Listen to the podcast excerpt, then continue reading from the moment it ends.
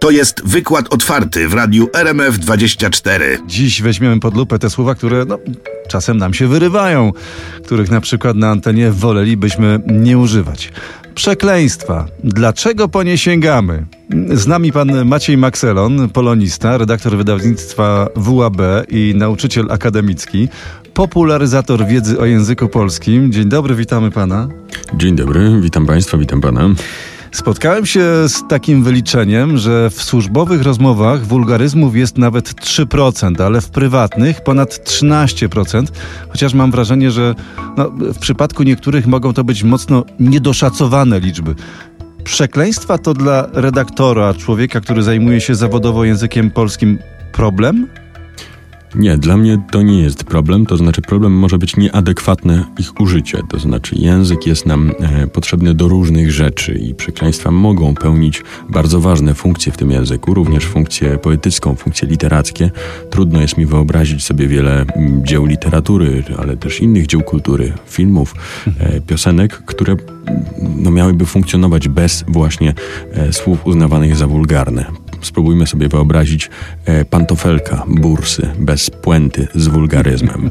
Albo spróbujmy sobie wyobrazić, wyobrazić Adasia Miałczyńskiego, który w Dniu Świra mówi kurczę, Jesus, ja piórkuję. Przecież to w ogóle nie ma tej mocy, prawda? Więc jako, mm, jako osoba zajmująca się właśnie tworzeniem jakichś narracji, historii i operowaniu językiem, e, no te wulgaryzmy dla mnie mają konkretne funkcje, które są ważne e, w języku. Zupełnie na pewno nie chciałbym się ich z języka pozbyć. One są nam po prostu potrzebne.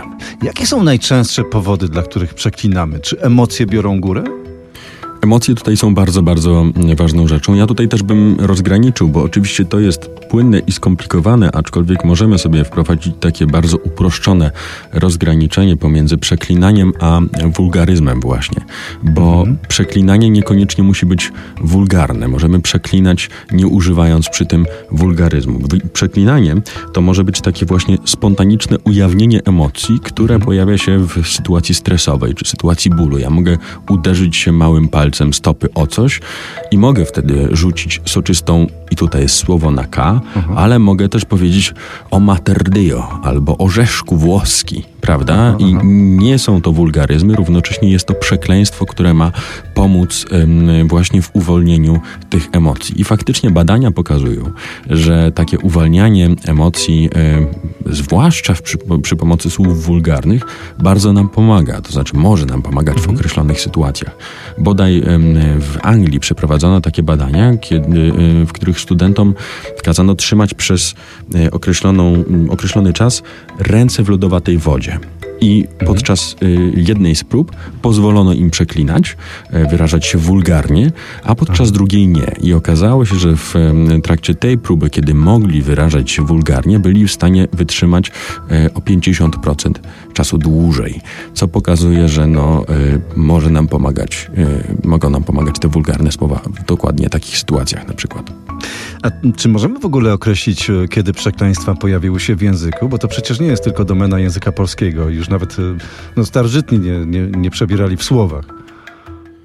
Trudno jest określić, kiedy dokładnie. Prawdopodobnie od samego początku były słowa, które w pewien sposób miały łamać tabu, prawda? My oczywiście wiemy mniej więcej, jak przeklinano w e, dawnych czasach w Polsce. Wiemy też, jak przeklinano w dawnych czasach na świecie. To się bardzo też zmienia, bo niektóre e, słowa się dewulgaryzują, inne z kolei nabierają takiego wulgarnego czy obraźliwego wymiaru, e, ale no, słowa, które służyły do tego, żeby dawać upust emocjom, czy żeby kogoś obrazić na przykład, bo to też jest prawda, tutaj mamy do czynienia z wyzwiskiem. Wyzwisko musi mieć adresata.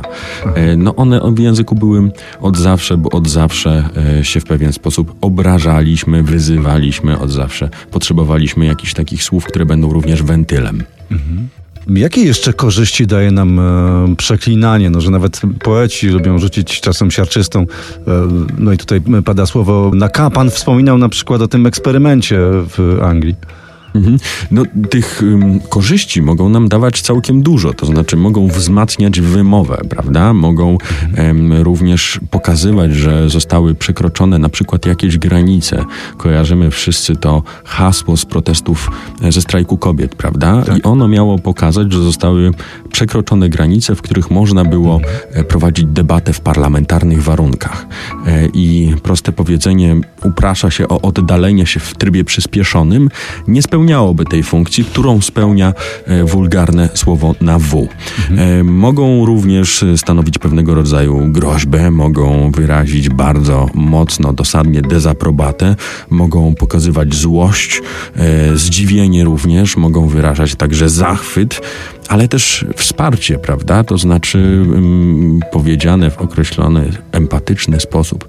O, ja i tutaj jest słowo na P, a nie wierzę, że to ci się przydarzyło, na przykład, może być również takim wyrazem wsparcia. Takie słowa też mogą zastępować em, inne słowa, mogą pełnić funkcję jokera, em, jako że one potrafią być bardzo e, giętkie semantyczne, semantycznie powiedziałbym.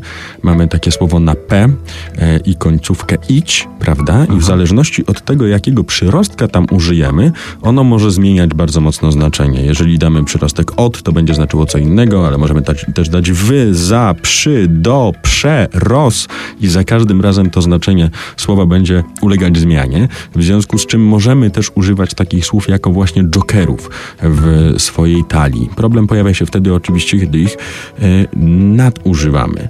E, może takie przekleństwo, taki wulgaryzm również być manifestacją mm, konkretnej postawy. Może być manifestacją jak, jakiejś wolności słowa albo przeciwstawienia się czemuś. E, no właśnie, może jakiegoś takiego oporu. Znamy z ostatnich miesięcy, lat hasło rosyjski okręcie wojenny Idina, prawda? I tutaj też bez tego wyrażenia, e, no to hasło byłoby zdecydowanie, zdecydowanie słabsze. Straciłoby swoją moc. Są takie badania przeprowadzone na Uniwersytecie w Maastricht. One dowiodły, że osoby, które często e, przeklinają, są bardziej szczere. Czy, czy przeklinanie zmniejsza dystans na przykład? Oj, zdecydowanie jest w stanie e, zmniejszać dystans, może również sprzyjać e, zacieśnianiu więzi, prawda? No bo właśnie zmniejsza się między nami ta odległość. E, wulgaryzmy, dlaczego one zmieniają dystans? Dlatego, że one przełamują tabu i przełamują tę formalną, właśnie prze, przełamują formalny język, tak bym powiedział. E, to znaczy w sytuacjach zawodowych na przykład my posługujemy się e, zdecydowanie bardziej sformalizowanym językiem, oficjalnym językiem e, niż w sytuacjach prywatnych. Jeżeli używamy wulgaryzmu, no to wtedy pokazujemy, że wychodzimy z tego schematu, więc automatycznie ten dystans między nami a odbiorcą, odbiorczynią komunikatu się zmniejsza, no więc, więc to nas po prostu zbliża, jak najbardziej. Pan profesor e, Jerzy Bralczyk wyliczył kiedyś, że w polskim języku mamy tak naprawdę pięć podstawowych wulgaryzmów. No i tu jest to słowo na K, jest to, to słowo na P, o którym pan wspominał przed chwilą, jest słowo na CH, jest znowu słowo na mm, P i jest y, słowo na mm, J. E, Język polski spośród tych znanych mi języków rzeczywiście przynosi dość sporo możliwości w tej kwestii. Tak, mamy bardzo bogaty język. Myślę, że w każdej sferze on jest bogaty. E, Dobrze, może nie każdej, ale naprawdę mamy bardzo, bardzo bogaty język i w materii wulgaryzmów też tego jest dużo. Co więcej, no te słowa, tak jak mówiłem, mm, one zmieniają ciężar. To znaczy dzisiaj mamy te na przykład słowa na K, które są e, bardzo, bardzo mocnym wulgaryzmem i one mocnym wulgaryzmem były zawsze, e, ale mamy również takie wulgaryzmy, które spadły nam w hierarchii, a kiedyś były bardzo, bardzo mocne. Cholera na przykład.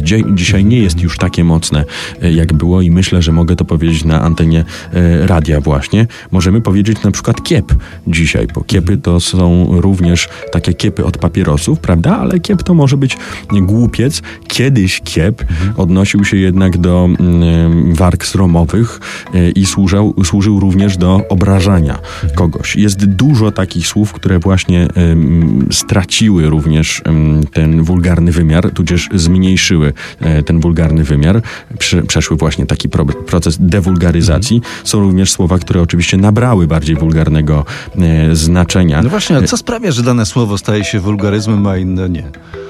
Myślę, że intencja, z jaką się go używa, to znaczy, jeżeli czegoś zaczynamy używać, mm, by kogoś właśnie obrazić, komuś dopiec, e, to wtedy to słowo nabiera takiego wymiaru.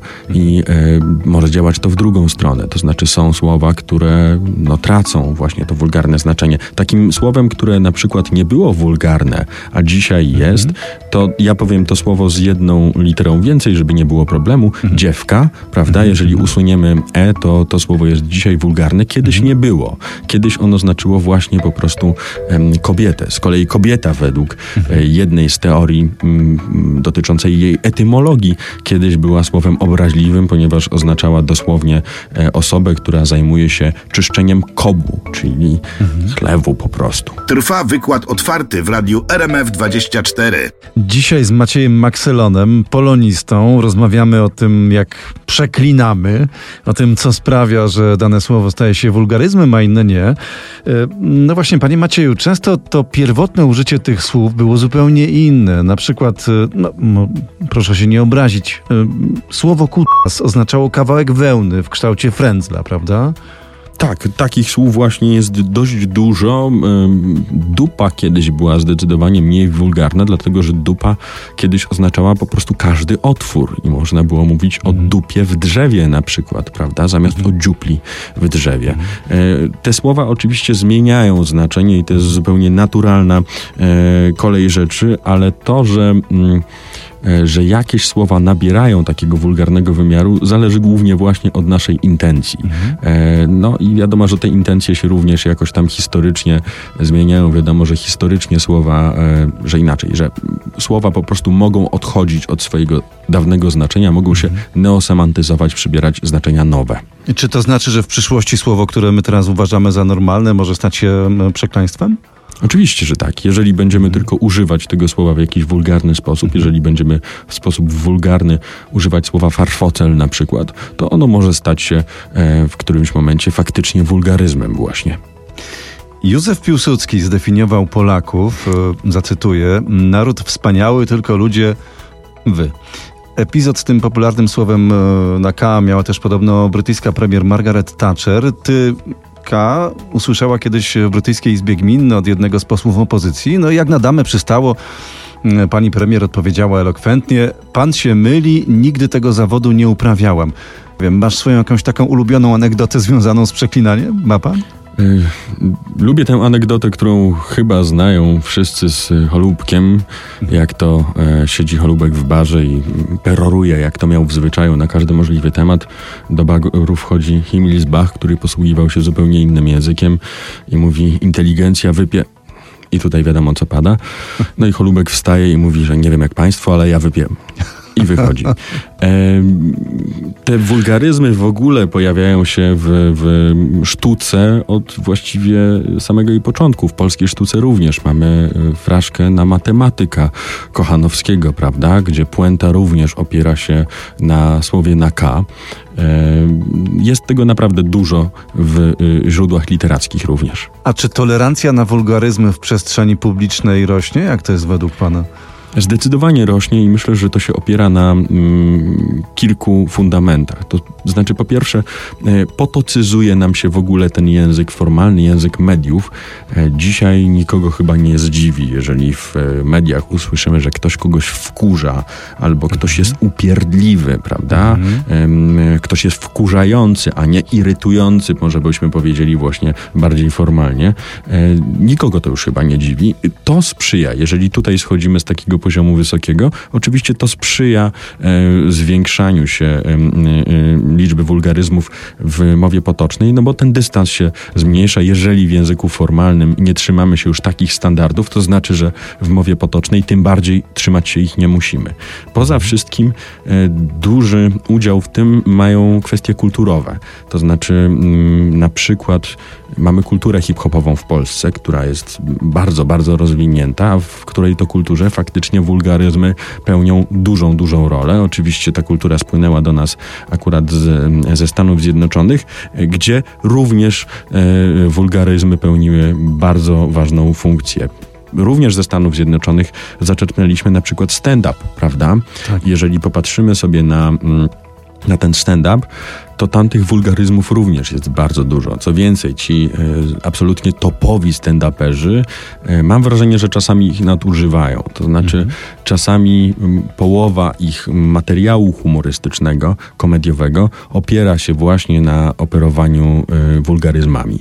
Nie wiem, czy to jest wyraz jakiegoś rodzaju. M, słabości retorycznej i nieznajomości zabiegów e, komediowych, które można by użyć, których można by użyć, no czy właśnie jakieś takie pójście e, e, najłatwiejszą ścieżką ale faktycznie jest tego tam bardzo dużo. Jeżeli w takich bardzo popularnych e, miejscach, jeżeli chodzi o kulturę, jak kultura hip-hopowa, jak ten stand-up, e, te wulgaryzmy są tak mocno widoczne, no to wiadomo, że one będą również zwiększać swoją frekwencję w języku powszechnym. Jeżeli popatrzymy również na kino polskie, to widzimy, że tych wulgaryzmów jest naprawdę coraz więcej. Najpopularniejsze filmy e, ostatnich lat to są filmy Patryka Wegi, prawda? Gdzie e, słowo na K, na P i tak dalej, słowa na K i na P pełnią rolę nie tylko jokerów właśnie, ale przecinków. E, I tego typu wulgaryzacja tego dyskursu no również ma wpływ, ma przełożenie na pewno na to, jakim językiem posługujemy się na co dzień. A mówiliśmy, że dużo przekleństw pada w psach, prawda? A kiedy to było? Kiedy to było i no, w psach jednak one miały trochę inny wymiar. Miały również pokazać idiolekt pewnej grupy i ja nie twierdzę, że w mm, filmach Patryka Wegi one mają nie pokazywać tego idiolektu, na przykład grupy przestępczej jakiejś i tak dalej. E, równocześnie mam wrażenie, że tam wszyscy używają tego języka e, i że jest to również po prostu sięganie po jakieś takie e, środki wulgarniejsze wyrazu, żeby szokować dla samego szokowania. I to podoba mi się zdecydowanie mniej. To znaczy, ja naprawdę uważam, że wulgaryzmy w języku są potrzebne i mogą fantastycznie działać również w sztuce, ale kiedy nie będziemy ich nadużywać, bo same wulgaryzmy nie są chyba problemem. Problemem jest właśnie ich nadużywanie, bo jeżeli my też będziemy używać tej, tego słowa na K czy na P jako przecinka albo jako mm, jokerów właśnie, to one po prostu stracą swoją moc, tak? My tutaj parafrazując mm, Tuwima, Chcielibyśmy, żeby słowa, które na co dzień są salonowymi pieskami, czasami stawały się tymi wściekłymi psami, prawda? Żeby miały moc. Jeżeli my będziemy nadużywać tych wulgaryzmów, to one tę moc po prostu stracą. Proszę też zauważyć, że e, słowo na K na przykład największą absolutnie ma moc, kiedy zostanie rzucone przez osobę, która po to słowo zwyczajnie nie sięga, prawda? Mhm. Wtedy ma to naprawdę moc. Kiedy słyszymy to od, od kogoś, kto e, cały czas korzysta z wulgaryzmów, no to staje się to właśnie takie zupełnie e, normalne, prawda? Mhm. Jesteśmy do tego przyzwyczajeni, osłuchujemy się. Pytanie, czy chcemy, żeby tak te słowa tak się osłuchały, bo wtedy naprawdę stracimy zakres możliwości. Tutaj mamy pełną skalę, prawda? Możemy pokazać e, od e, grzeczności po wściekłość. Czy my chcemy tę skalę tak bardzo wypłaszczać? A czasami i w życiu codziennym, i w sztuce, o której Pan wspominał, po prostu mniej znaczy o wiele więcej. Zdecydowanie tak, zdecydowanie tak. Trwa kampania wyborcza, język się zaostrza. Czy pan to też zauważa? W kampanii wyborczej ten język w ogóle stał się, yy, i to je, nie tylko język, język, ale również język filmowy, to co widzimy w spotach wyborczych, yy, no stał się bardzo prostacki, powiedziałbym. I yy, trudno mi w ogóle to komentować, dlatego że w tym momencie to jest tak łopatologiczne, tak wulgarne w przekazie i nie chodzi mi tutaj um, o wulgarność w rozumieniu właśnie um, tej wulgarności jak te brzydkie słowa, o których mówimy, tylko wulgarność w sensie prostactwa to jest niesamowicie prostacki przekaz e, i bardzo nie podoba mi się to, że ten język, bo on oczywiście, powiedzmy sobie wprost, on został ustanowiony w tym momencie może przez partię rządzącą, ale bardzo nie podoba mi się to, że wszyscy idą w tym samym kierunku, że zniżają się do tego poziomu, a nie próbują jednak rozmawiać z tym odrobinę inaczej. No, może po prostu ten przekaz e, właśnie w takiej formie trafia, a w innej by po prostu nie trafiał do odbiorców. Ja bardzo chciałbym mieć więcej wiary w odbiorców, odbiorczynie. E, chciałbym mieć więcej wiary w to, że ludzie potrafią słuchać, potrafią wyciągać wnioski i że nie trzeba ich okładać łopatą po głowie, żeby coś zrozumieli. A jak uporać się z nadużywaniem przekleństw? Czy jest na to jakiś sposób? To jest trudna rzecz, aczkolwiek jeżeli e, się nad tym zastanowić, to myślę, że są takie podstawowe absolutnie techniki pod tytułem chwila zastanowienia przed wypowiedzeniem myśli, prawda? I wtedy jesteśmy w stanie ją bardziej opanować i zastanowić się też, czy e, wulgarne słowo w danym miejscu jest nam na pewno potrzebne. Możemy też próbować różnych zamienników, prawda? Zamiast mówić to słowo na P, ja to wszystko P, no to możemy sięgnąć na przykład po słowo na H, ale nie to wulgarne, które od razu przychodzi nam do głowy, tylko ja to chromole na przykład, prawda? I tutaj też mamy to piękne, dźwięczne ry, które nam mm, daje pewnego rodzaju moc, bo proszę zauważyć, że zarówno to brzydkie słowo na K, jak i to brzydkie słowo na e, W czy na P, one mają ry w środku, e, w zbitce spółgłoskowej z drugą, e, jakąś mocną spółgłoską i to im daje taką moc. To sprawia, że one e, pozwalają wyrzucić z siebie emocje, prawda, że mogą być właśnie takim wentylem. To chromole na przykład też może być bardzo mocne. Jeszcze jakieś inne słowa zastępcze? Wiemy z, z telewizji, że były takie próby na przykład mówienia motyla noga, prawda? Kiedy Tak. coś nam się nie podoba, ale tak naprawdę to Kurczę, może być blaszka. każde słowo. y, Tak, to może być każde słowo, które przyjdzie nam do głowy i które będzie nam pomagać w wyrzuceniu takich emocji. E, możemy mówić kopytko na przykład, jeżeli komuś pomaga kopytko. To już jest myślę kwestia indywidualnych preferencji. I odpowiedniego wyakcentowania tego słowa i użycia go w odpowiednim momencie i przede wszystkim nie nadużywania, bo jak pan przed chwilą powiedział, to wtedy traci swoją moc. Tak, myślę, że mm, to jest rzecz najważniejsza, to znaczy uświadomienie sobie, że nadużywanie e, sprawi, że te słowa po prostu nam spowszednieją. A my chyba udowodniliśmy przed chwilą, że e, można rozmawiać o tym, dlaczego przeklinamy i o przeklinaniu w ogóle, no właściwie nie używając tych e, słów e, wulgarnych, chociaż kusiło, muszę przyznać. Parę razy kusiło. Tak, nie tylko pana. Bardzo panu dziękuję za tę rozmowę. To była wielka przyjemność, jak zawsze, porozmawiać z panem. Gościem Radia RMF24 był pan Maciej Makselon, polonista, redaktor wydawnictwa WAB i nauczyciel akademicki, popularyzator wiedzy o języku polskim. Jeszcze raz bardzo serdecznie panu dziękuję. Ja bardzo dziękuję, przyjemność była po mojej stronie.